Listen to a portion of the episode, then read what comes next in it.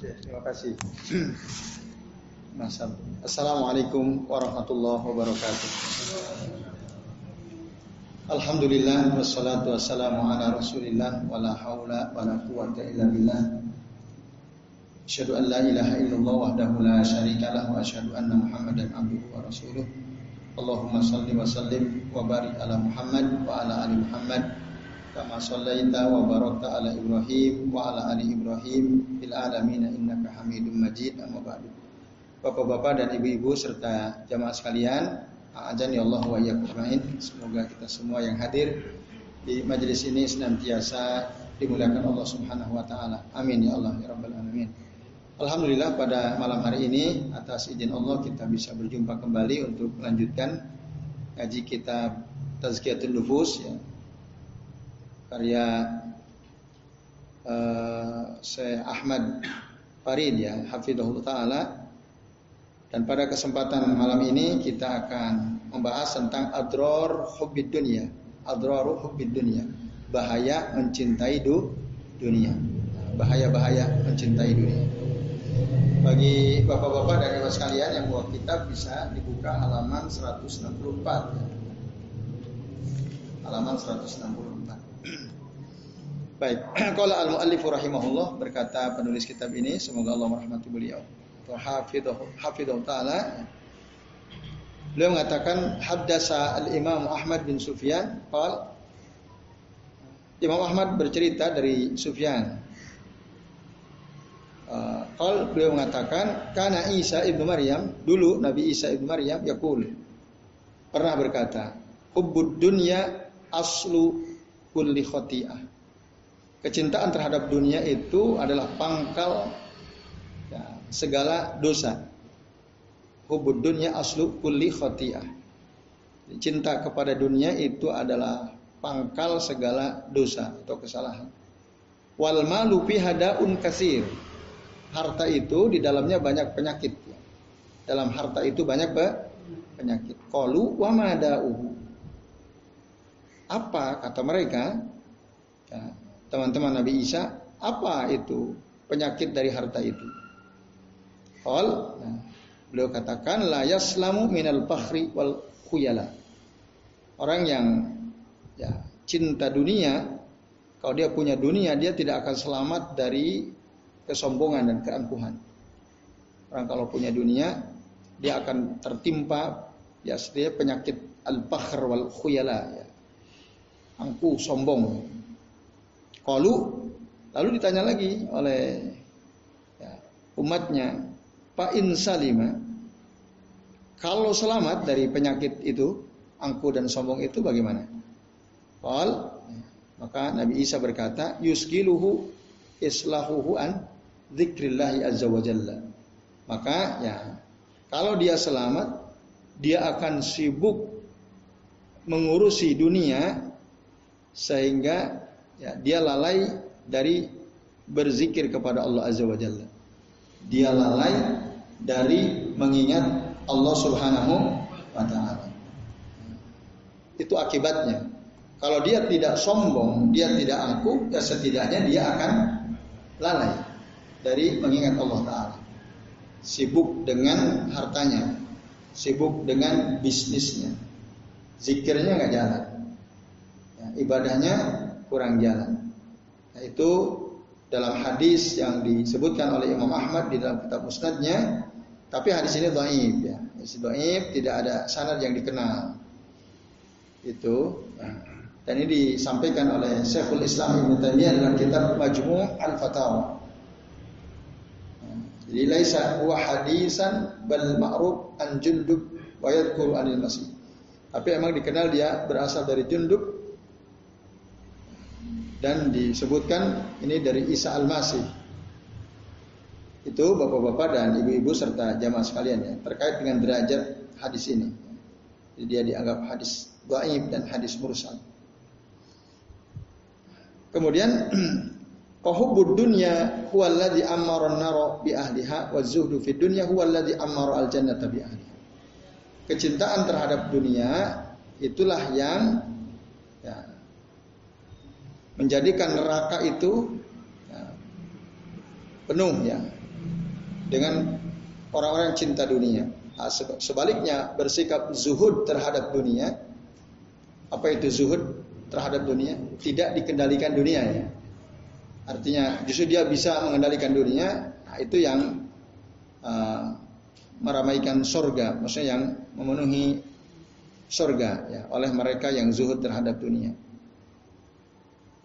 Kemudian orang yang mabok, mabok karena cinta dunia, itu maboknya itu lebih lebih parah daripada mabok karena khomer. Mabok karena khomer buruk atau tidak? Buruk. Tapi mabok dunia lebih buruk lagi. Itu kira-kira ya. A'zam min sukaril bil khomer. Karena apa? Orang yang mabok dengan dunia itu, dia tidak sadar, tidak akan sadar kecuali ketika dia sudah ada di liang lahat.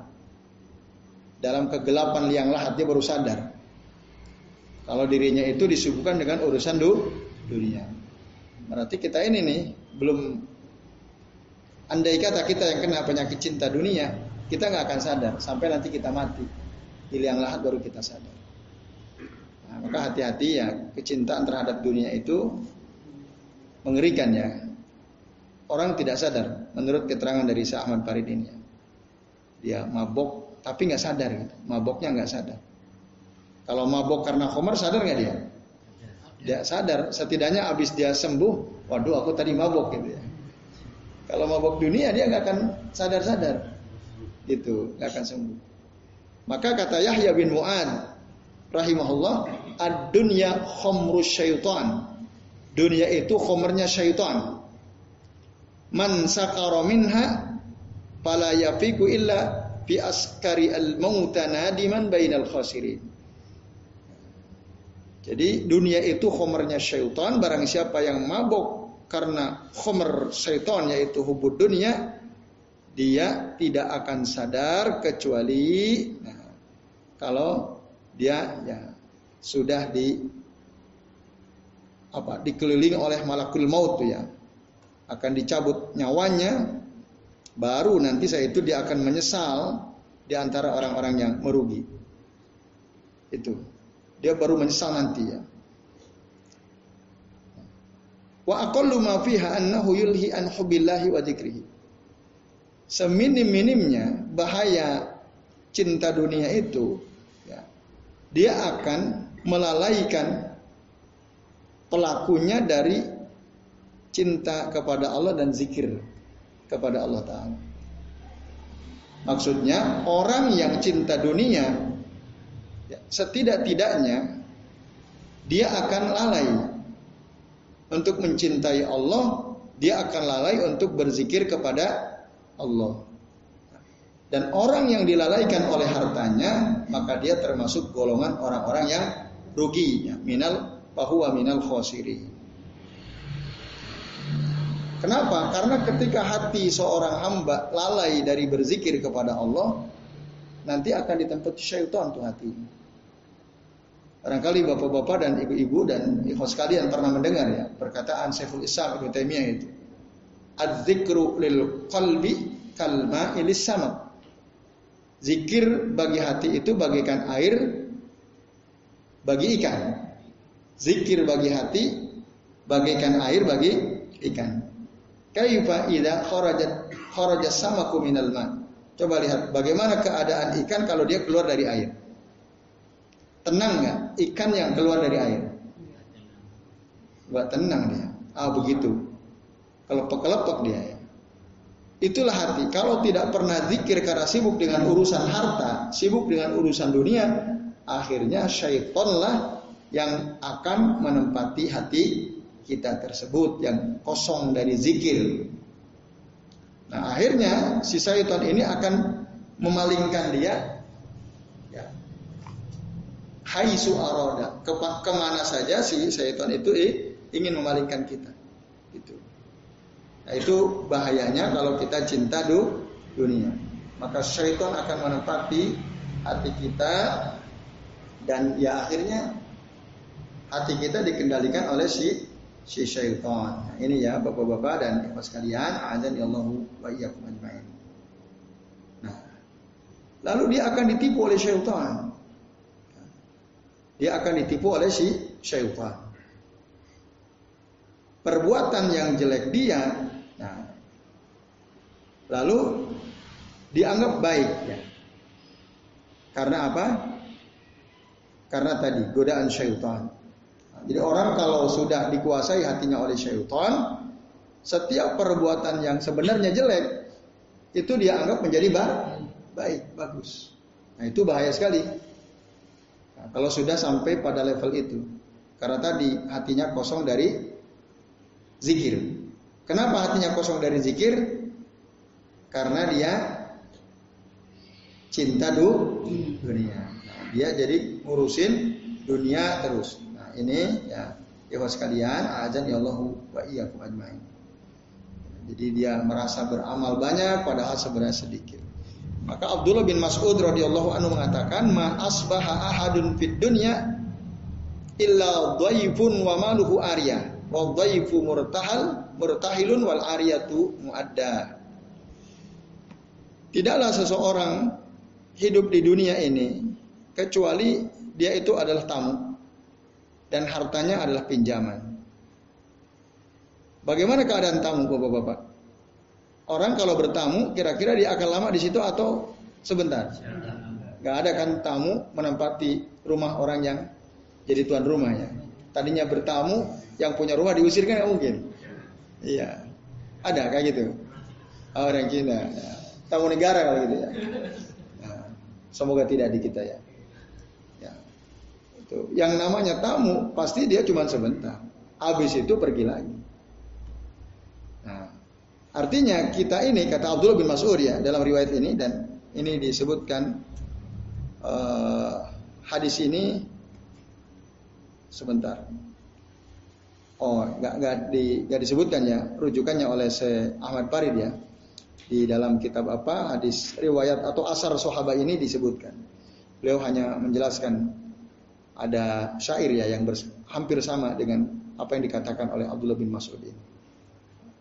Jadi poinnya tadi, manusia ini hidup di dunia bagikan tak, tak hanya ya, hanyalah tamu dan harta yang dia punya itu adalah pin, pinjaman. Tamu itu ya pada saatnya dia akan pergi. Begitu juga dengan kita hidup di dunia, pada saatnya kita akan meninggalkan dulu, yaitu kematian itu pasti kita tinggalkan. Wal ariyatu muadda. Dan pinjaman itu dibalikin atau tidak kira-kira? Pasti dikembalikan. Jadi harta yang kita punya, apa pun ya, setiap kita kan mungkin punya harta, punya motor, punya rumah, punya macam-macam lah. Itu nanti akan dibalikin. Gak mungkin akan kita pegang terus kan gitu. Nah, dibalikinnya macam-macam caranya hilang juga termasuk itu. Ya, diambil kan, pinjaman caranya dipaksa tuh kalau hilang. Ya, tahu hilang, ya, HP-nya hilang, motornya hilang, sepedanya hilang. Kalau lalu mereka para ulama yang mengatakan wa inna makana hubbud dunya rasul khotoya wa mufsidan lid-dini min wujuhin. Sesungguhnya cinta dunia itu adalah pangkal kesalahan, pangkalnya dosa dan merusak agama. Cinta dunia itu pangkal dosa dan merusak agama dari beberapa sisi. Nah, di dalam kitab ini disebutkan ya ada tujuh sisi yang akan dirusak, ya, yang akan rusak ketika seseorang mencintai dunia. Yang pertama Orang yang cinta dunia itu ya, atau kecintaan dunia itu akan mengakibatkan ya pelakunya mengagungkan dunia. Padahal dunia itu hakiratun indallah. Dunia itu hina di sisi Allah. Dan sebesar-besar dosa adalah saat seseorang mengagung-agungkan sesuatu yang dihinakan oleh Allah Subhanahu wa taala. Itu satu kerusakannya. Masih ingat nggak hadis Nabi itu yang ya. Ah, ah, itu.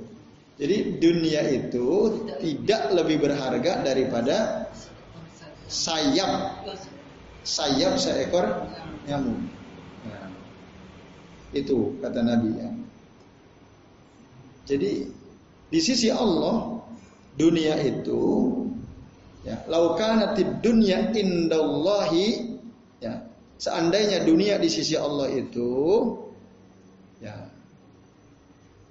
lebih baik atau lebih berharga min junah junahi ba'mudatin daripada sayap seekor nyamuk ya. Masa kallahu al kafiro walau surbatamain. Allah tidak akan mungkin memberi minum orang kafir meskipun seteguk air andai kata dunia ini ya lebih mahal daripada sayap seekor nyamuk. Andai kata ya. Tapi faktanya dunia itu lebih berharga dari sayap seekor nyamuk atau lebih hina? Lebih hina faktanya. Itu maksudnya.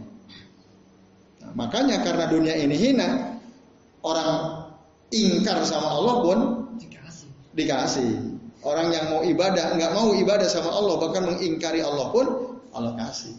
Karena nggak ada harganya. Ngapain dipertahankannya? Ibaratnya gitu kalau dalam kehidupan kita. Kalau kita punya sesuatu nggak ada harganya, kira-kira kita sia-siakan atau kita kita ini apa? Kita pegang erat-erat dibuang, masih dibuang. Ya. Nah, itulah dunia di sisi Allah Subhanahu wa taala. Maka nah, katakan wa min akbarid dzunubi ta'dzimu ma taala. Di antara dosa terbesar itu adalah mengagungkan sesuatu yang dihinakan oleh Allah Subhanahu wa taala. Oh dia apa mengagung-agungkan dunia. Itu, itu bahaya pertama. Bahaya kedua, anallahu la'anaha wa makato wa makotaha wa abogodoha illa makana lahu fiha. Sesungguhnya Allah Ta'ala itu melaknat dunia. Allah membenci dunia. Allah murka terhadap dunia.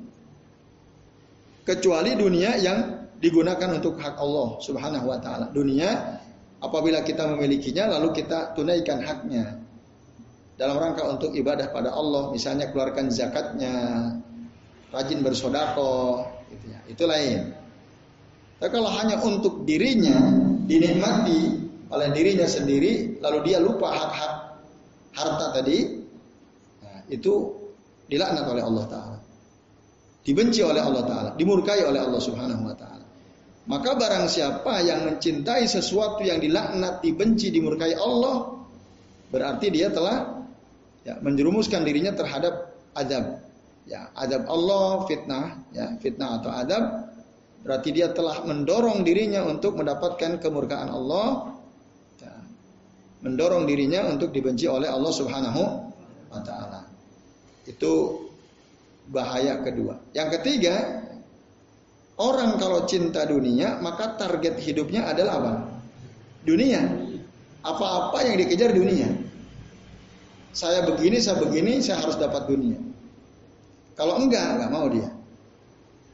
Bahkan nah, lebih parah lagi, orang yang cinta dunia, dia akan menjadikan amal-amal akhirat yang harusnya ditujukan kepada Allah, dia gunakan sebagai sarana untuk mendapatkan du, dunia. Yang harusnya amal itu untuk akhirat, tapi dia jadikan sebagai wasilah untuk mendapatkan du, dunia. Jadi kebolak-balik. Misalnya apa? Bapak-bapak, sedekah ya. Harusnya sedekah itu lillah, ya kan? Ikhlas lillahi ta'ala. Bantu orang. Tapi orang yang cinta dunia sedekahnya itu dijadikan sarana agar dia dapat uang lebih banyak. Apalagi ada orang yang selalu mendorong-dorong begitu ya. Jadi kalau kita walaupun benar memang kebaikan itu akan dilipat gandakan menjadi 10 kali kali lipat. Nah, lalu ada orang yang kalau kamu sedekah seribu, kamu akan dapat sepuluh ribu. Sejuta akan dapat sepuluh juta. Sedekah motor akan dapat mobil. Direduksi maknanya. Banyak orang kemudian tertipu. dengan orang tersebut ya. Nah, akhirnya sodako yang harusnya ya untuk Allah Taala ikhlas balasannya nanti kelak di akhirat dia jadikan sebagai sarana untuk mendapatkan keuntungan du dunia. Ini saya sodako motor, kenapa? Supaya saya dapat mobil. Eh mobilnya gak ada yang datang. ini stres dia ya. Nah ini, nah ini bahaya yang seperti ini ya. Nah, ya ada, ada ustadz yang seperti itu. Coba aja lihat, lihat kesudahannya. Bagaimana orang tersebut? Bingung. Jadi ke mana-mana. Sampai sekarang kan begitu. Bahkan banyak kaum muslimin mengecamnya, mencelaknya, dan seterusnya. Itu karena ah, karena akhirat dijadikan sebagai sarana untuk mendapatkan keuntungan du, dunia. Itu maka hati-hati. Ya. Udah ada contoh lah intinya. Jangan sampai seperti itu. Ya semoga Allah melindungi kita semua ya dari penyakit hubud dunia, cinta kepada du, dunia. Nah, maka Orang yang cinta dunia itu ya satu dia akan menjadikan ya dunia sebagai tujuan sebagai tujuan hidup dia. Dan dia akan menjadikan amal-amal akhirat sebagai wasilah, sebagai sarana untuk mendapatkan du, dunia. Ini keburukan yang terbalik dari semua sisi. Betul-betul terbalik. Nah, ini. Makanya Nabi itu berdoa. Jangan sampai dunia ini menjadi tujuan terbesar hidup kita. Jangan sampai dunia ini menjadi tujuan tertinggi ilmu kita. Gimana tuh doanya?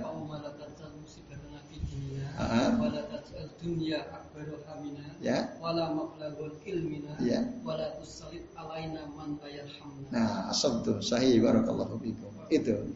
Di antara doa yang sering dibaca oleh Rasul. Allahumma la la taj'al musibatana fi dinina. Ya Allah janganlah engkau jadikan musibah ini menimpa agama kami. Tahu maksudnya musibah menimpa agama? Oh ini ngeri. Kalau musibah dunia gampang cepat sembuh.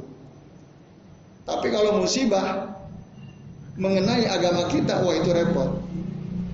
Penderitaannya bukan hanya dunia saja, tapi dunia akhirat. Kalau kita kena musibah, di dunia menderitanya di dunia dan itu pun sebentar. Ada waktunya sembuh kan.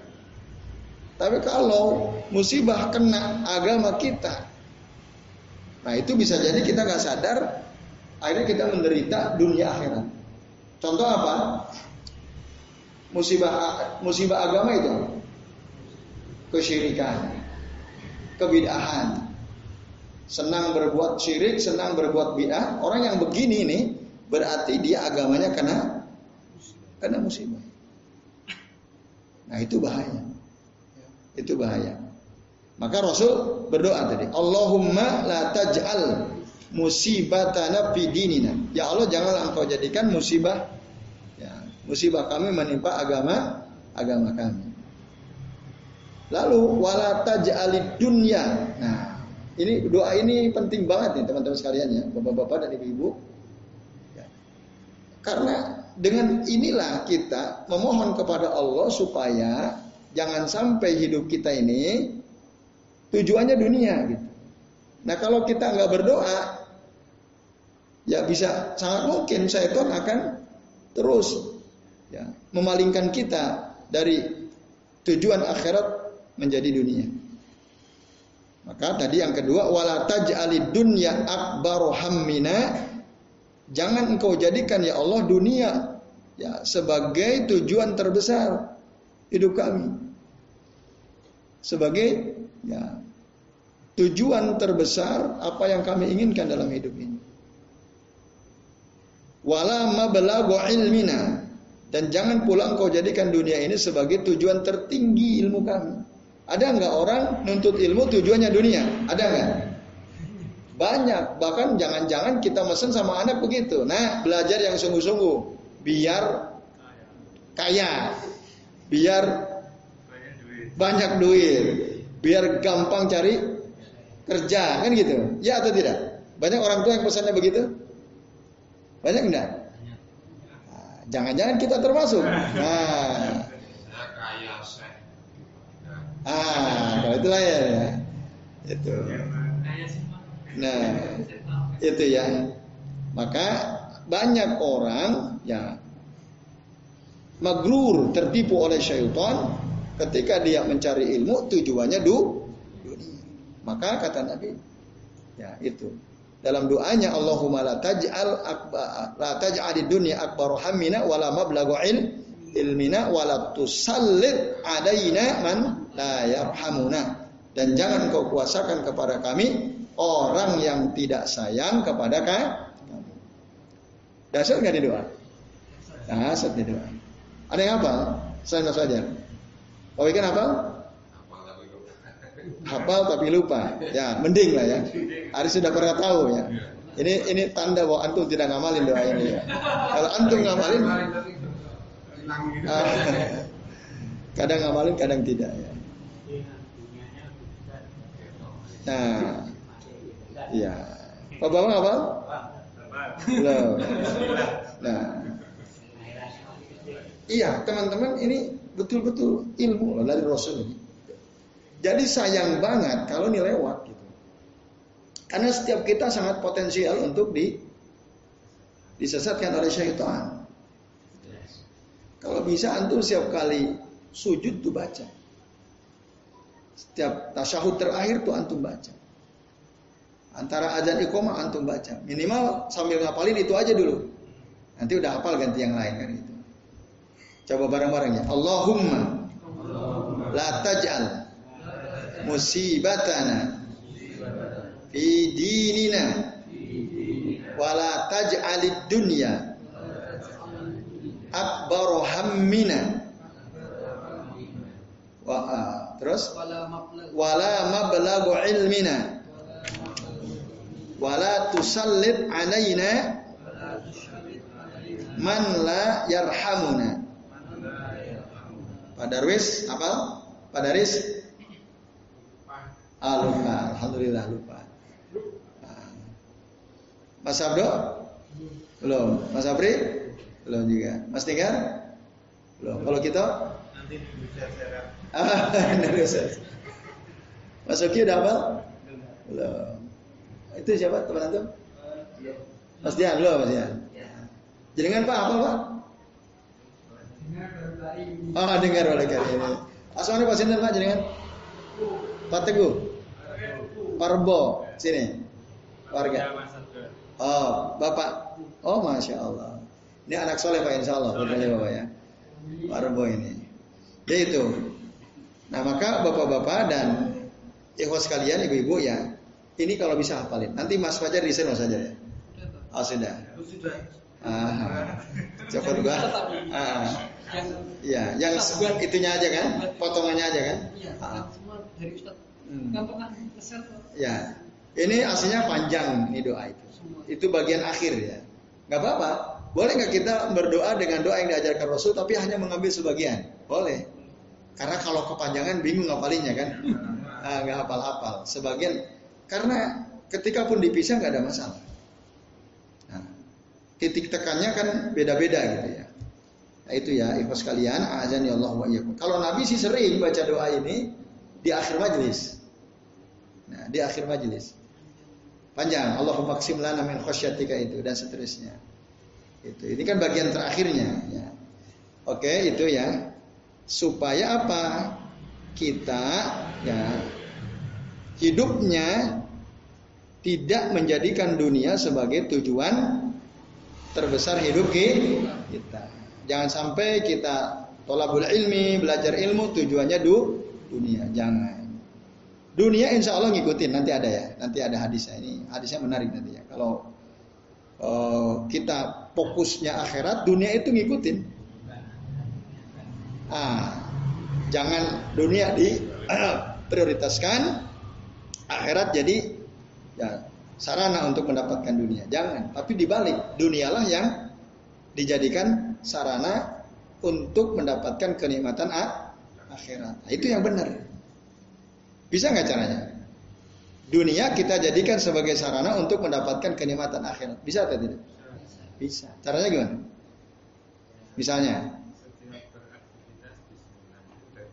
Nah, iya, setiap kita beraktivitas selalu niatkan untuk ibadah. Ibadah. Apa pun ya, kita misalnya uh, kerja, aslinya kan untuk dunia kan, untuk supaya kita bisa makan, bisa minum, gitu kan, bisa menafkahi anak, nafkahi istri. Itu dunia aslinya, urusan dunia. Tapi kita niatkan. Nah, saya kerja karena mentaati perintah Allah. Apa ada perintahnya kerja? Ada nggak? Ada. Gimana tuh perintahnya? Al-Jumu'ah. Nah, terus fa idza qudiyatis salatu fantashiru fil ardi wabtagu min fadlillahi wadhkurullaha katsiran la'allakum tuflihun. Apabila sholat sudah ditunaikan, bertebaranlah kalian di atas muka bumi, carilah karunia Allah. Kan suruh kerja ini. Salat Jumat ayat 10. Hmm. Itu dasarnya. Jadi setiap kita mau kerja itu ingat sama ayat ini. Itu ingat.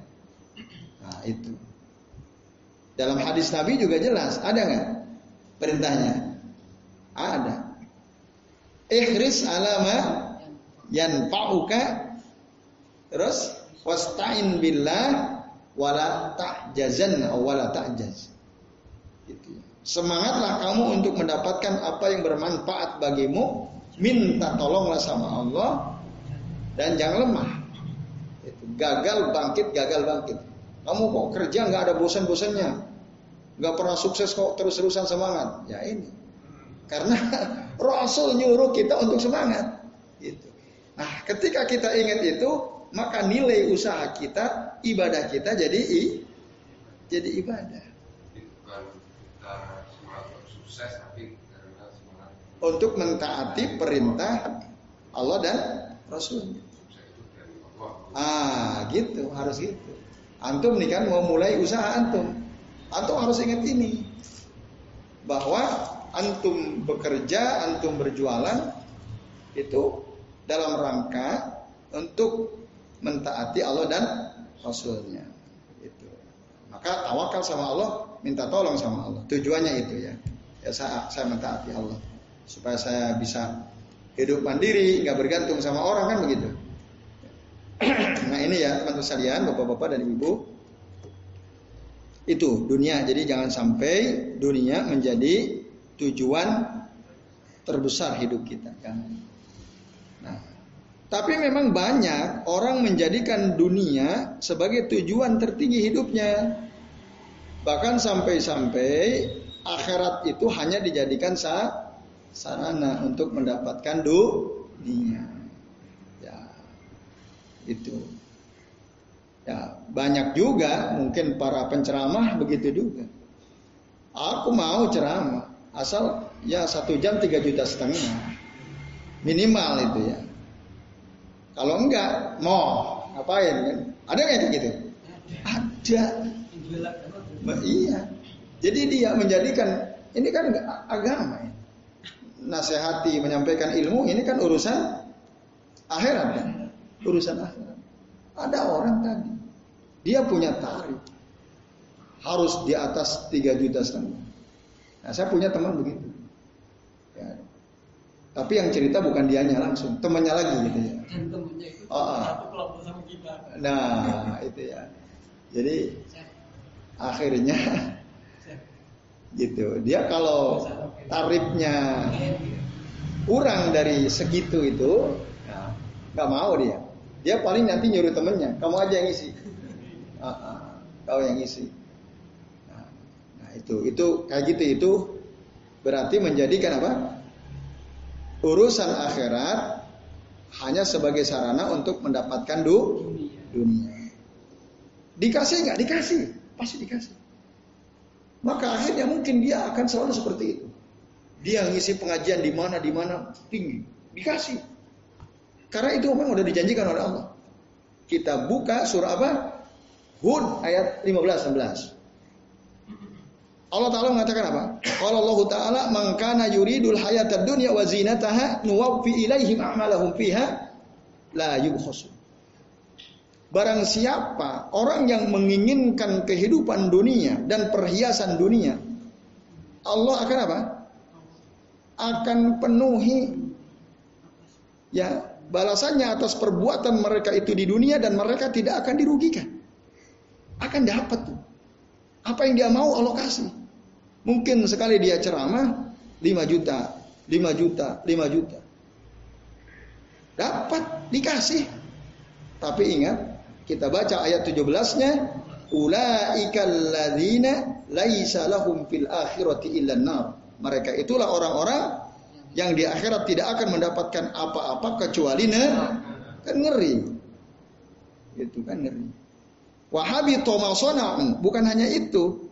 Tapi sia-sialah apa yang mereka sudah usahakan itu. Mungkin udah capek-capek. Dia baca materi untuk disampaikan, diceramahkan. Lelah dia. Nah, dapat sih dunia dapat dia. Cuma di akhirat gak dapat apa-apa. Semua usaha dia sia-sia. Wabatilu makanu ya'malun dan hilang. Semua amal dia hilang. Akhirnya masuk nah. Tuh, tuh bahaya. Itu ya. Dunia Allah kasih. Kalau ya, ibadah dia, urusan akhirat dia dijadikan sebagai sarana untuk mendapatkan du. Nauzubillahimindzalik. Kita berlindung kepada Allah semoga terjauhkan dari sikap seperti itu. Ya ini ya bapak-bapak dan ibu sekalian. Allah sudah ngingetin sebenarnya. Ayatnya jelas sekali gitu ya. Ayatnya jelas sekali. Ah begitu juga nanti urusan-urusan yang lain. Hadisnya banyak. Di antara yang disebutkan sini hadis dari Abu Hurairah tentang tiga golongan orang yang oleh Allah dicelupkan sebentar saja ke neraka. Atau orang yang, maka dikatakan, orang yang mereka pertama kali akan masuk ke dalam neraka. Itu ya. Bahkan ya itu yang pertama-tama masuk ke dalam neraka itu siapa? Tiga golongan. Al-Ghazi, Al-Mutasaddiq, Wal-Qari. Ghazi itu orang yang berperang tapi tidak lillahi ta'ala. Perangnya itu sekedar untuk apa? Dianggap sebagai apa? Pahlawan. Ingin mendapatkan decak kagum orang-orang. Ingin dipuja-puja oleh orang. Semangat dia berperang. Eh tahu-tahu kata Allah kadzabta bohong kamu. Dia bilang saya berperang di jalan Allah kadzabta bohong kamu. Karena Allah tahu kan isi hati seseorang. Akhirnya dia dicemplungin ke dalam neraka. Orang yang rajin sodako. Kenapa kamu rajin sodako? Karena engkau ya Rob. Kadzabta bohong kamu. Nah, akhirnya dicemplungin ke padahal kelihatannya ahlu sodako gitu. Sodakonya kenceng. Tapi tujuannya tadi ya supaya dipilih gitu ya. Kenceng sodakonya. Nah, nah orang-orang yang kayak begini, dia sodako, tapi tujuan supaya orang milih dia. Nah, orang yang kayak gini ini diterima atau tidak sodakonya? Diterima atau tidak di sisi Allah Taala? Tidak. Sia-sia enggak nanti akhirnya? Sia-sia.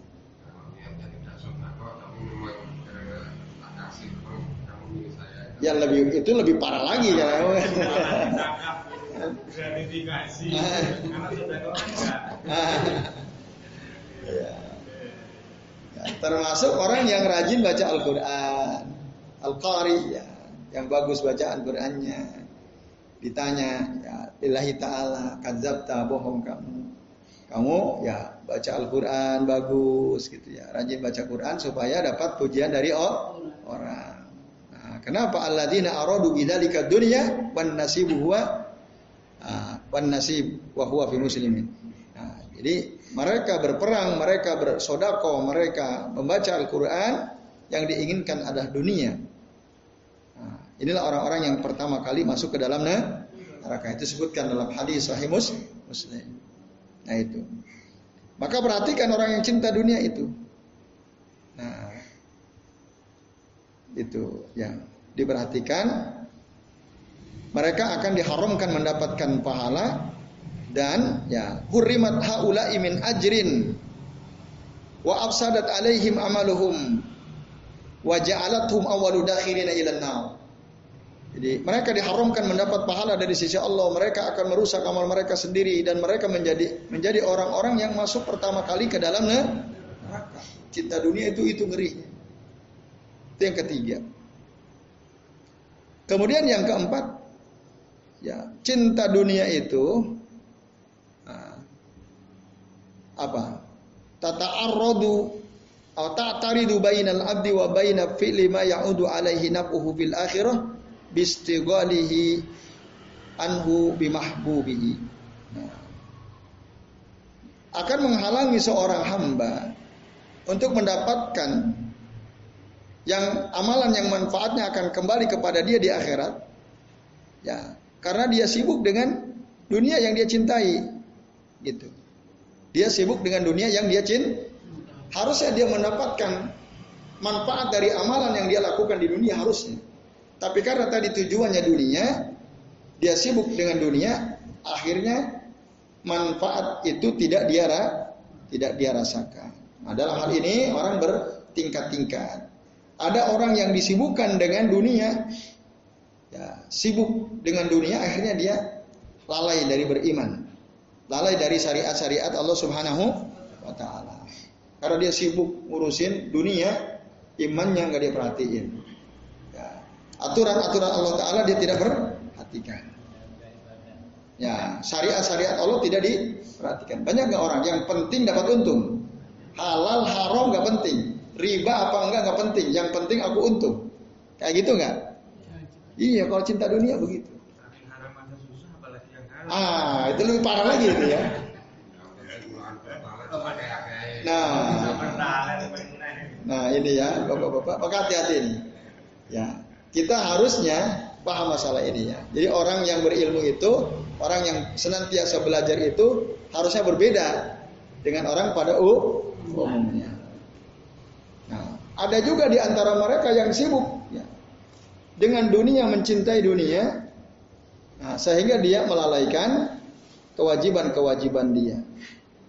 Lalai karena dia sibuk dengan urusan dunia. Solatnya jadi lalai sodakohnya, zakatnya dia tinggalkan. Karena aku capek-capek cari uang masa disodakohin orang. Oh, mau. enak banget yang nerima sodako, aku yang capek dia yang dapat gitu. Ini kan kacau itu kalau orang seperti itu. Tapi ada nanti orang begitu, ada disebut sibuk ngurusin dunia, yang wajib-wajib dia tidak lakukan. Gitu ya. Ada juga di antara mereka Ya, yang disibukkan dengan dunia urusan dunia sehingga lupa dari kewajiban kewajibannya. Ada di antara mereka yang sibuk dengan dunia dan dia tidak menunaikan kewajibannya pada waktu pada waktunya.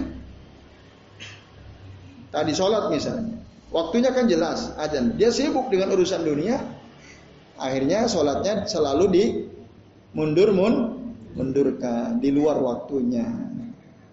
Banyak kayak gitu? Banyak banget. Karena dia sibuk dengan urusan du dunia. Nah, akhirnya dia nah, melalaikan kewajiban dia dalam waktunya dan hak-hak ibadah dia ya. Lalai dia dari itu karena sibuk dengan urusan dunia. Nah, ada juga di antara mereka yang sibuk ya, dari sibuk dengan urusan dunia sehingga dia lalai urusan ibadahnya. Nah, urusan ibadah hatinya dalam yang hal yang wajib-wajibnya.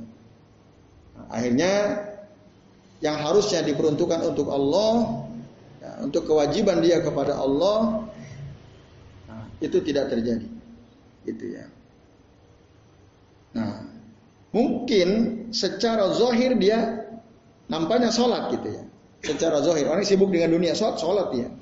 Tapi secara batin yang diingat waktu sholat, wah untungnya kira-kira viro ya. ya pelangganku teko ora iki ya. Nah, gimana ini? Itu terus waktu sholat pikirannya. Sholat mah sholat ya, secara zohir sholat, tapi secara batin dia tidak sholat. Itu orang yang sibuk dengan dunia. Nah, maka orang yang Ah, cinta dunia itu berbahaya ya bapak-bapak dan ibu-ibu serta jamaah sekalian. Nah, itu. Jadi nanti hatinya akan kosong dari kecintaan kepada Allah, lisannya kosong dari berzikir kepada Allah. Rindunya, cintanya itu kepada dunia. Akhirnya merusak akhiratnya. Itu pasti itu. Pasti akhiratnya akan rusak karena kecintaan dia terhadap du, dunia. Itu yang keempat. Yang kelima, bahwa kecintaan seseorang terhadap dunia menjadikan dunia sebagai tujuan terbesar hidup seorang hamba. Ini bahaya. Orang kalau udah cinta dunia, nanti keinginan terbesar dia itu adalah do, dunia. Nah ini yang saya maksud ya. Apa dampak buruk kalau yang kita inginkan dunia? Dan apa dampak positif kalau yang kita inginkan adalah akhirat? Nah ini hadis ini penting dihafalin. Apa kata Nabi? Qala Nabi sallallahu alaihi wasallam dari Anas bin Malik radhiyallahu anhu.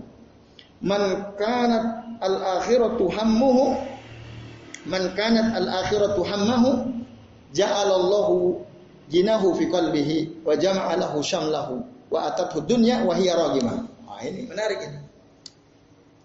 Barang siapa akhirat adalah tujuan hidupnya. Akhirat itu yang diinginkannya, dalam aktivitas akhirat yang dia kejar akhirat.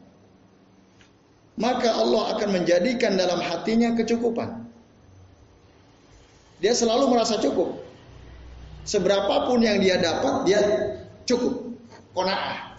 Dicukupkan oleh Allah Ta'ala dalam hatinya. Dan Allah akan mengumpulkan segala urusannya. Jadi gampang diatur. Itu kalau akhirat. Ya, jama'alahu samlahu. Jadi segala urusannya itu Allah akan kumpulkan. Artinya mudah diatur. Kalau tujuan ya yang ada dalam hatinya, yang dia inginkan dalam hatinya adalah kenikmatan ah, kehidupan akhirat. Ya. Wa atat ya wahia rogima. Nah ini ya. Keren ini. Nanti dunia itu akan datang kepadanya dalam keadaan rogimah tunduk. Dunia itu jadi tunduk sama kita. Dunia akan datang. Gampang datang ke kita dalam keadaan gampang sekali. Wahya roh Karena setiap perbuatan tujuannya selalu akhirat, lillahi ta'ala. Nah, kita bisnis, usaha, lillahi ta'ala. Ya. Karena lillahi ta'ala, maka dunia nggak akan nyebukin kita. Saya ini usaha lillahi ta'ala. Allahu Akbar, Allahu Akbar, berhenti. Satu dulu. Salah. Zikir jalan. Wong usahanya untuk taat sama Allah. Masa gara-gara kita sibuk jualan, sholatnya diundurkan? Oke sih sholat awal waktu, tapi zikir nggak nggak cover zikir. Ini warung keburu banyak pelanggan ya kan. Akhirnya kan, kalau dunia yang dia, tapi kalau akhirat nyantai dia. Dia sholat tenang, zikir sesuai dengan tuntunan Nabi tenang. Habis itu pulang, balik ke warung. Nanti dunia itu akan datang. Ya. Ah, otomatis rezeki akan Allah datangkan untuknya. Dalam keadaan hina itu dunia datang kepada kita. Bukan kita yang mengemis-kemis dunia, tapi dunia mungkin ngemis-kemis supaya kita terima. Kira-kira begitu. Dia akan datang kepada kita dalam keadaan tunduk. Itu kalau apa? Apa yang ada dalam hati kita tujuannya adalah akhirat.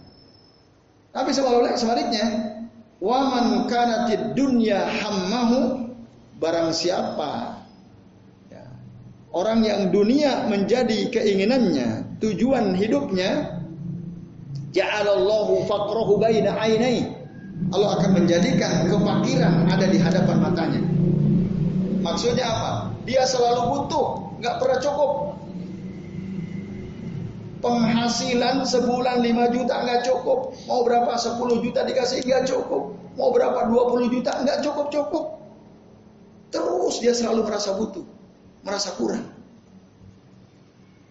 Karena apa? Dunia yang dia kejar. Tapi kalau akhirat boro-boro 20 juta, boro-boro 10 juta, boro-boro 5 juta, 3 juta pun cukup. Bahkan kurang dari itu pun cukup. Kalau orang yang dia kejar adalah akhirat. Itu pasti. Nanti segala kebutuhan dia digampangkan oleh Allah. Dicukupkan. Nampaknya kalau dihitung-hitung nggak masuk. Tapi kok bisa aja. Semua bisa dia lakukan. Nah itu karena apa? Tadi dunia nanti akan datang. Kalau tujuannya akhirat. Tapi kalau tujuannya dunia nggak cukup-cukup. Selalu dia merasa butuh. Nah, wafar rokok alaihi syamlahu. Urusannya dipecah-pecah. Susah dia ngatur. Walam ya'tihi minad dunya illa maqad qudiralahu. Dan dunia tidak datang kepada dia kecuali apa yang sudah Allah takdirkan. Itu baru. Dia nggak akan bisa senang nih dengan dunianya enggak. Hatinya itu selalu sibuk, capek, lelah. Kok nggak cukup-cukup ya? Kurang terus. Itu bahaya. Ini bapak-bapak dan yang sekalian hadisun sahih. Hadis sahih riwayat Imam At-Tirmidzi.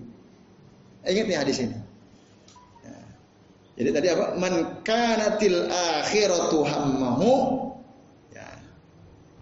Ja'alahu Allah ja'alallahu ginahu fi qalbihi wa jama'alahu syamlahu ya. wa atatid wa atathu dunya wa hiya ragima. Wa man kanatid dunya hammahu ja'alallahu faqrahu baina ainaihi wa syamla wa farraqa alaihi syamlahu. Kemudian walam ya'tihi minad dunya illa ma qad quddirana illa ma nah ini. Rumusnya udah ada belum sebenarnya? Kalau kita ingin hidup bahagia dunia akhirat rumusnya udah ada belum? Udah ada ini rumus ini. Tulis tuh besar-besar. Ya, bahkan di layar handphone tuh, kita buka HP so oh ini. Supaya kita ingat, jangan sampai kita ini ya, menjadikan dunia sebagai keinginan ter terbesar hidup kita. Nah, jadi berapapun kita dapat rezeki, alhamdulillah. Udah. Gitu. Dimanfaatkan untuk kehidupan akhirat. Baik, itu ya Bapak-bapak dan ibu sekalian. Mana? Nah,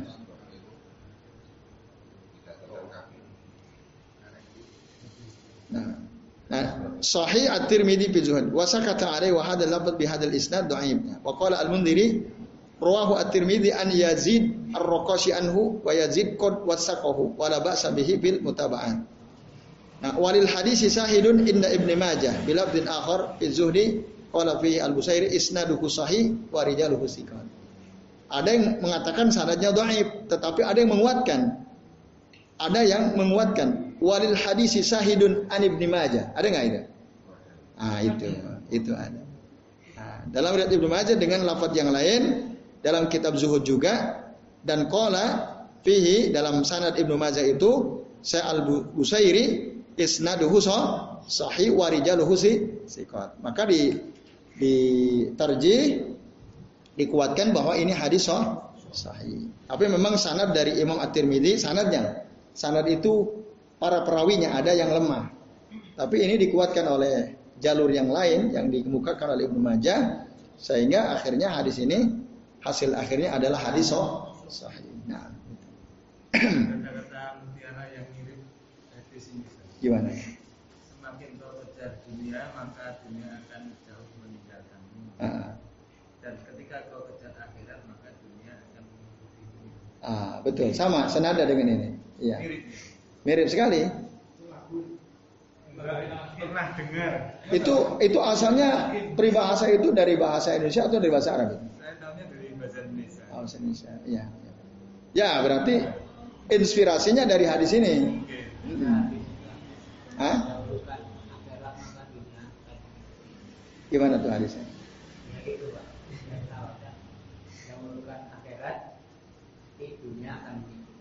Oke. Tapi teks Arabnya lupa ya.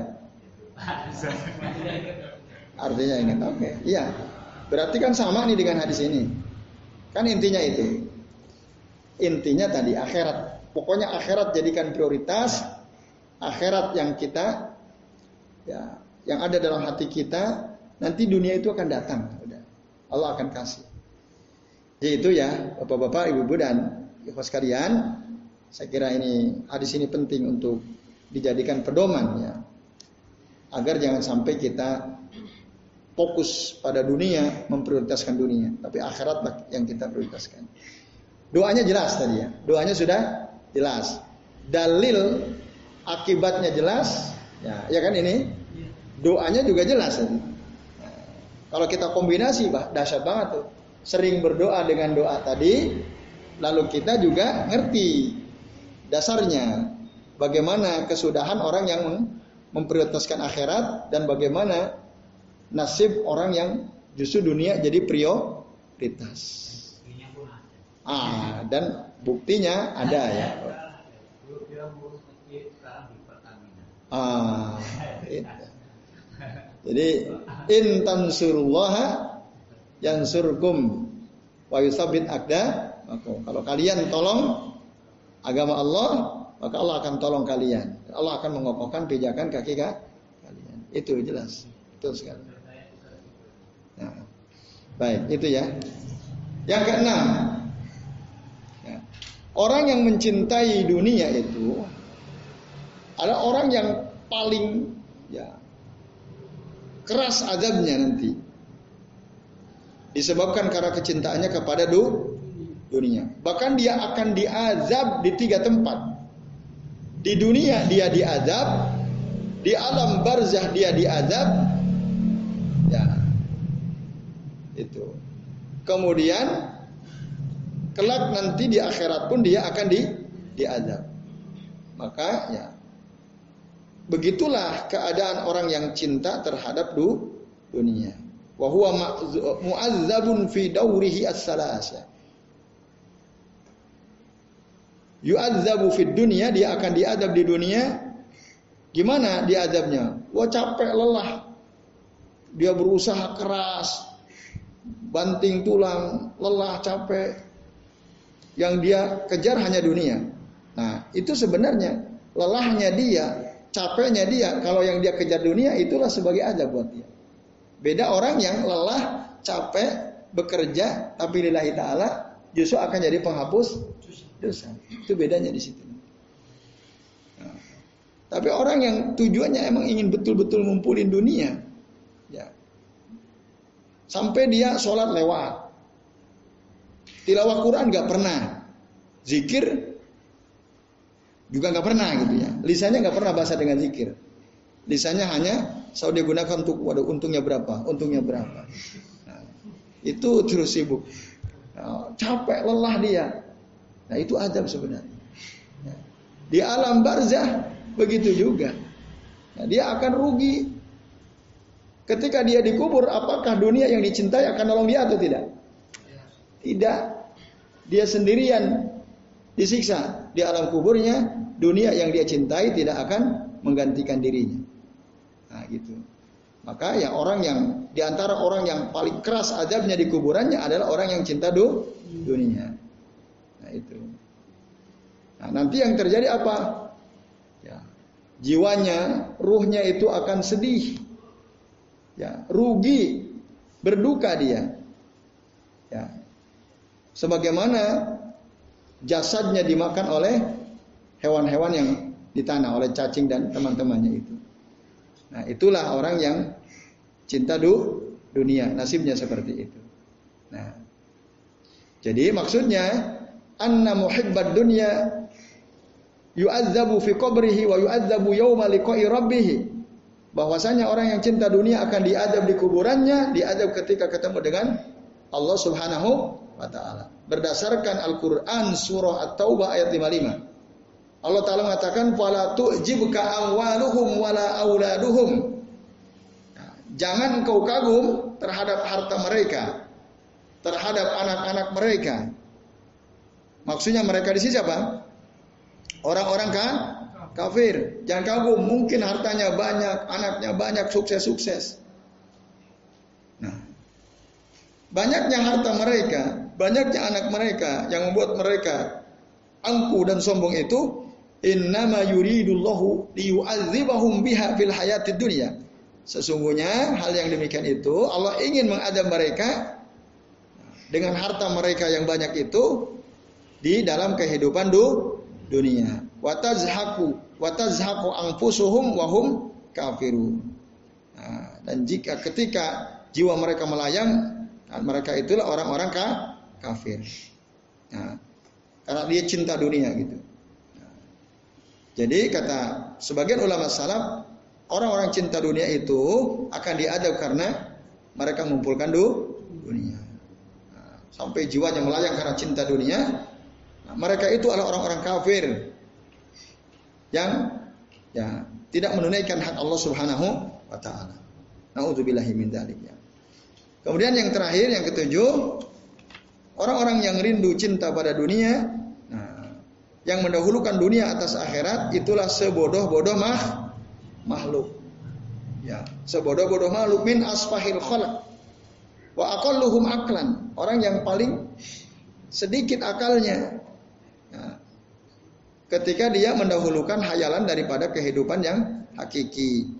Ya, dia mendahulukan mimpi dari tidurnya daripada kenyataan. Nah, dia lebih mendahulukan apa? Azil zail. Naungan yang pada akhirnya akan ditinggalkan daripada nikmat yang daim. Wadarul faniyah. Dia akan mendahulukan ya, tempat yang fana daripada tempat yang kekal yaitu akhirat. Dia menjual kehidupan abadi dia ya dengan kehidupan dunia. Nah ini hanyalah mimpi satu kaum ya. Dia bagikan kazil lizail tempat berteduh yang pada akhirnya akan ditinggalkan nah, oleh dirinya. Nah ini. Maka ada sebuah baitnya dari sebagian ulama salaf ya ahlal lazati dunya la baqo alaha in igtiraron bidzilli zaili Wahai orang-orang yang mengejar kelezatan dunia yang tidak kekal. Ya, dunia itu tidak kekal. Sesungguhnya mereka itu tertipu dengan apa? Dengan naungan yang akan ditinggalkannya dan ini adalah kebodohannya. Maka Yunus bin Abdul A'la berkata, "Masyabihatid dunya illa karajulin nama faru'a fi manamihi ma yakrahuhu wa ma yuhibbu fa bainama huwa kadzalik intabah." Tidaklah dunia itu mirip kecuali seperti seseorang yang tidur lalu dalam tidurnya dia mimpi. Ya. Mimpi melihat apa yang dia benci dan apa yang dia suka. Nah, dia melihat apa yang dia benci, apa yang dia suka, apa yang yang tidak dia suka, apa yang dia suka. Lalu pada saat dia lihat itu, tiba-tiba terbangun. Tiba-tiba terbangun. Itu kata Yunus bin Abdul A'la. Itu perumpamaan dunia. Itu kata-kata beliau. Wa asbahul asya bid dunya azillu. Ya. Tuhsabu lahu haqiqatan sabitah wa huwa fi taqallusin wan kibadin fatatba'uhu litudrikahu para tulhikuhu. Ya. Jadi sesuatu yang paling mirip serupa dengan dunia itu apa disebut apa disebut? Azil, naungan. Naungan di, dianggap atau bayangan. Yang dia anggap bayangan itu ada hakikatnya. Padahal dia hanya sekedar bayangan yang apabila dikejar dapat nggak tuh bayangan? Enggak, enggak ada hakikatnya cuma bayangan. Semakin dia kejar, semakin nggak terkejar. Itu. Dan sesuatu yang paling serupa dengan dunia itu adalah para patamor gana. Yang dikira di situ ada air menurut orang yang kehausan. Tapi ketika dia datangi ternyata dia nggak mendapatkan apa-apa. Itu. Nah, dan sesuatu yang serupa dengan dunia itu seperti nah, seorang wanita tua yang sudah jelek, sudah tidak menarik, gitu ya. Tapi dia menginginkan untuk menikah. Lalu dia menghias dirinya untuk para pelamar kaum laki-laki dengan berbagai perhiasan. Lalu dia menutupi segala keburukan dirinya. Maka orang-orang banyak tertipu. Dia tutup wajahnya, nah, dia berhias sehebat dan sebaik mungkin ah, menunggu para pelamar datang. Nah, orang yang tidak pernah melihat aslinya si nenek tua ini, ya lalu ingin menikahinya. Nah, ingin menikahinya. Faqalat la mahra illa faqdil akhirah. Fa innana darratan ya darratan. Wajtama'na ghairu ma'zunin fihi wala mustabah. Itu istilahnya. Jadi akhirnya ya, banyak orang-orang ingin melamar si wanita tua ini karena tidak melihat wujud aslinya. Bersegeralah mereka melamar si wanita ini. Nah, kemudian ketika dibuka, wajahnya dibuka, penutup wajahnya dibuka, barulah nampak keburuk keburukannya.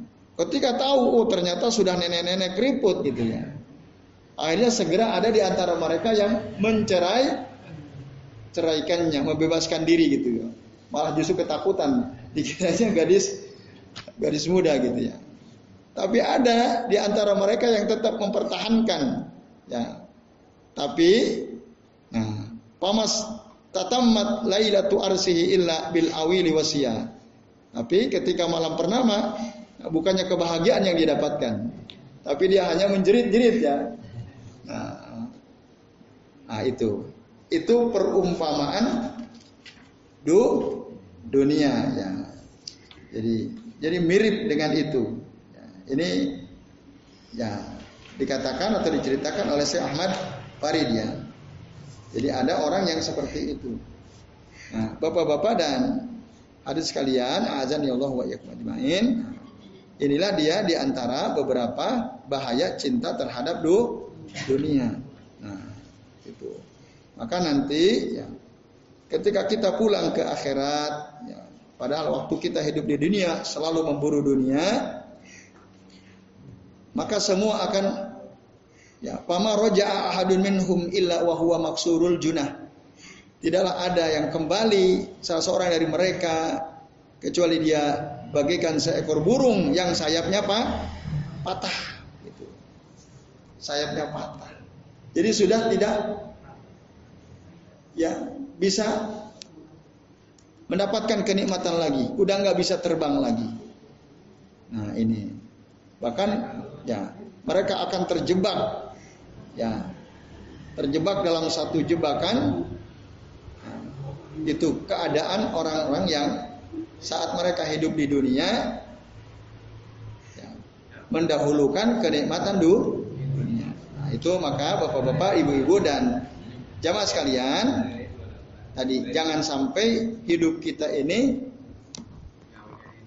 lebih apa? Memprioritas, memprioritaskan kehidupan dunia dan kenikmat kenikmatan akhirat lah. Insya Allah nanti dunia akan datang dengan sendirinya atas izin Allah Taala ya. Kalau yang kita prioritaskan adalah kehidupan akhirat. Jadi saya kira ini bapak-bapak, ibu-ibu dan jawab sekalian ya. Mudah-mudahan ya ini apa menyadarkan kita bahwa hidup ini yang ya harusnya kita dahulukan adalah akhirat dan bahkan ya semua kita ini sebenarnya diciptakan oleh Allah taala untuk beribadah.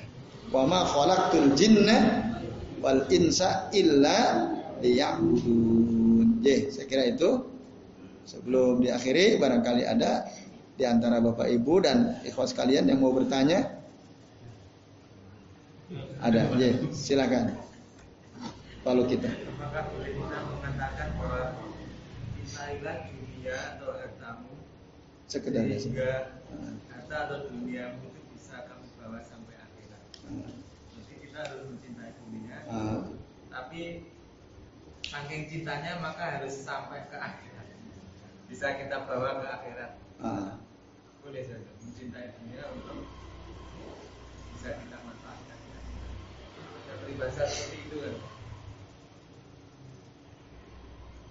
Kayaknya agak susah. Orang cinta dunia pasti lupa akhirat. Konsekuensinya itu. Jadi sebenarnya ada ada sebuah cerita gitu. Hmm. Ada seorang yang beribadahnya tersebut sudah bekerja ringan, makannya ringan. Ah. Kenapa bisa begitu? Karena saya sangat mencintai harta saya. Hmm. Makanya bagaimanapun harta saya ini saya bisa saya bawa sampai ke akhirat gitu. Dia gitu. nah itu. Perspektifnya lain. Kan? ya. tapi sebenarnya ambigu itu ya. Karena orang yang ya tadi cinta dunia itu pasti akan melalaikan akhirat. Pasti. Nah, tapi kalau orang cinta akhirat maka dunia dia akan gunakan untuk kehidupan akhirat. Istilah saya mencintai dunia. Walaupun ya saya paham ya perspektifnya. Itu kalau begitu bukan mencerminkan dia cinta dunia sebenarnya. Jadi dia cinta akhirat sebenarnya. Dan dia ingin kehidupan kenikmatan akhirat kan. Itu. Menurut saya ambigu istilah itu ya. Apa ya Iya, iya menyesatkan itu. Orang cinta dunia itu nggak mungkin akhirat kepikiran. Orang cinta dunia. Masa untuk akhirat yang dicintai dunia? Nggak, nggak bisa. Berarti tujuan dia apa dengan harta yang dia punya? Ya saya karena yang tujuannya karena cinta dunia itu kan. Apa mungkin orang cinta dunia lalu bisa mendahulukan akhirat misalnya? Nampaknya agak susah ya. Berdasarkan keterangan yang kita udah bahas pada pertemuan sebelumnya. Jadi orang cinta dunia itu pasti lambat laun dia akan melalaikan akhirat. Itu. Allah alam begitu kalau kita ya. Nah, itu istilah yang menurut kami ambigu lah cinta dunia kok karena untuk akhirat kayaknya agak susah. Jadi wallahu a'lam. Nah. Ada lagi bapak-bapak? Ya silakan pak, para.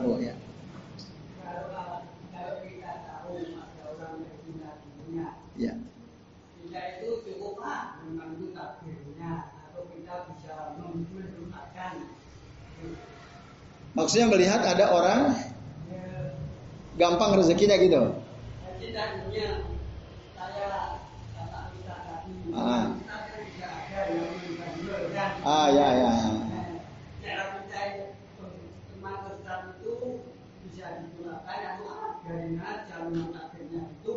Oh gitu.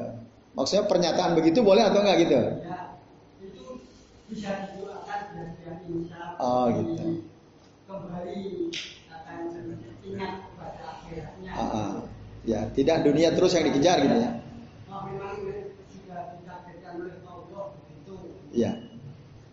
Sikap kita yang baik itu juga kan Allah jadi Oh ya. Ya terima kasih para bu. Tentu saja sikap terbaik kalau kita melihat ada seseorang, apalagi teman kita, ya saudara kita, yang menyeleweng, menyimpang dalam hidupnya gitu ya. Dunia yang dia kejar yang terbaik ya kita doakan tentu saja. Kalau kita oh ben biarin aja itu udah takdirnya gitu ya. Ah, tentu itu kurang baik ya. Yang terbaik ya hadan Allah. Hadan Allah wa iyyahu. Semoga Allah memberikan petunjuk untuk kami dan untuk dia. Gitu. Itu yang terbaik.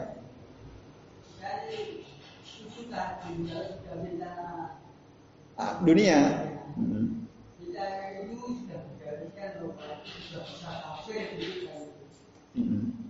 Kalau cara saya menerima kata-kata dari ah, kalau orang yang sudah cinta kepada dunia, dia itu akan bisa menjadi yakin. Tanggapan saya Oh gitu, kesimpulannya begitu ya. Bisa jadi memang kalau orang dikejar dunia terus ya bisa jadi. Nah, oleh karenanya satu ya tentu saja dari pembahasan kita ini jangan sampai kita menjadi orang-orang yang cinta dunia dan perhiasannya. Terus kalau ada orang seperti itu, teman kita, keluarga kita, ya, orang yang kita kenal ya kita doakan tadi. Ya, tadi kan kami hanya memberi contoh gitu. Ada orang dalam urusan akhirat itu dia jadikan sebagai sarana untuk mendapatkan du, dunia. Gitu. Ada yang seperti itu ada atau tidak? Jawabannya kan ada. Lalu kita tentu bukan men, men, apa, menyumpah serapahi, enggak kan? Itu untuk diambil pelajaran. Ada orang seperti itu, kalau bisa kita ja, jangan. Ya, kalau dia adalah teman kita, setelah kita mengatakan semoga Allah memberikan hidayah kepadanya. Sebagaimana juga Allah memberikan petunjuk kepada kita, semoga dia disadarkan oleh Allah, taubat dari perbuatannya. Jadi itu Pak. Nah, kalau dia terus dibiarkan, mungkin nggak dia menjadi kufur? Mungkin, ya, mungkin saja. Karena ya yang dia kejar dunia. Akhirnya karena dia dunia kejar, misalnya orang yang cinta dunia itu bisa nggak akhirnya memutus hubungan dia dengan temannya sesama muslim? Mungkin nggak? Karena ada orang kafir ngasih dia banyak uang. Udah kamu ceramah sesuai dengan keinginan orang kafir. Kamu minta berapa? 50 juta, oke kami kasih. Asal kamu dukung kami, terus kamu jatuhkan mereka gitu kan. Mungkin nggak? Oh sangat. Nah itu kan bisa menjadi kafir katanya. Dia dekat dengan orang kafir, sekongkol dengan orang kafir karena apa? Orang kafir menjanjikan du, dunia. Nah, sehingga dia ngomong sesuatu yang menyakitkan orang beriman. Karena dia dibayar misalnya. Karena itu yang dikejar. Apa pun dia akan lakukan demi mendapatkan du, dunia. Apa pun dia akan lakukan.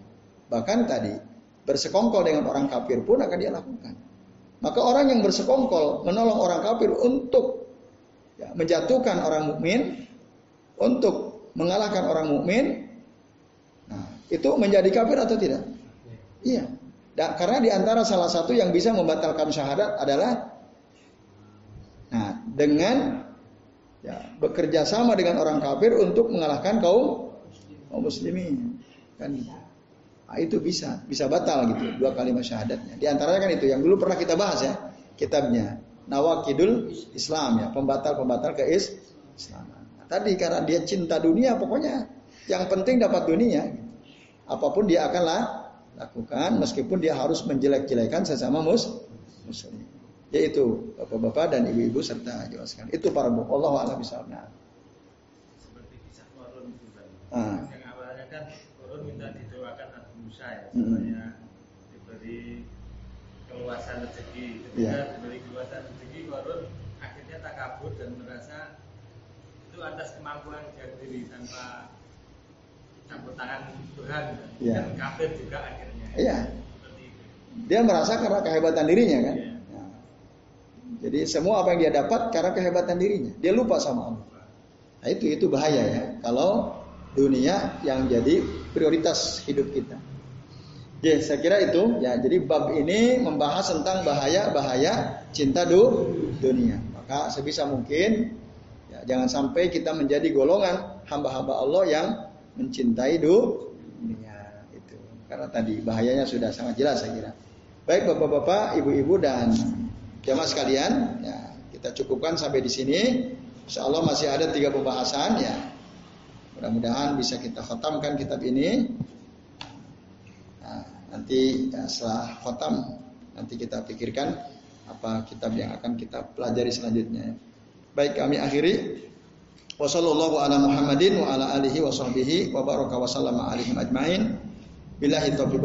Wassalamualaikum warahmatullahi wabarakatuh.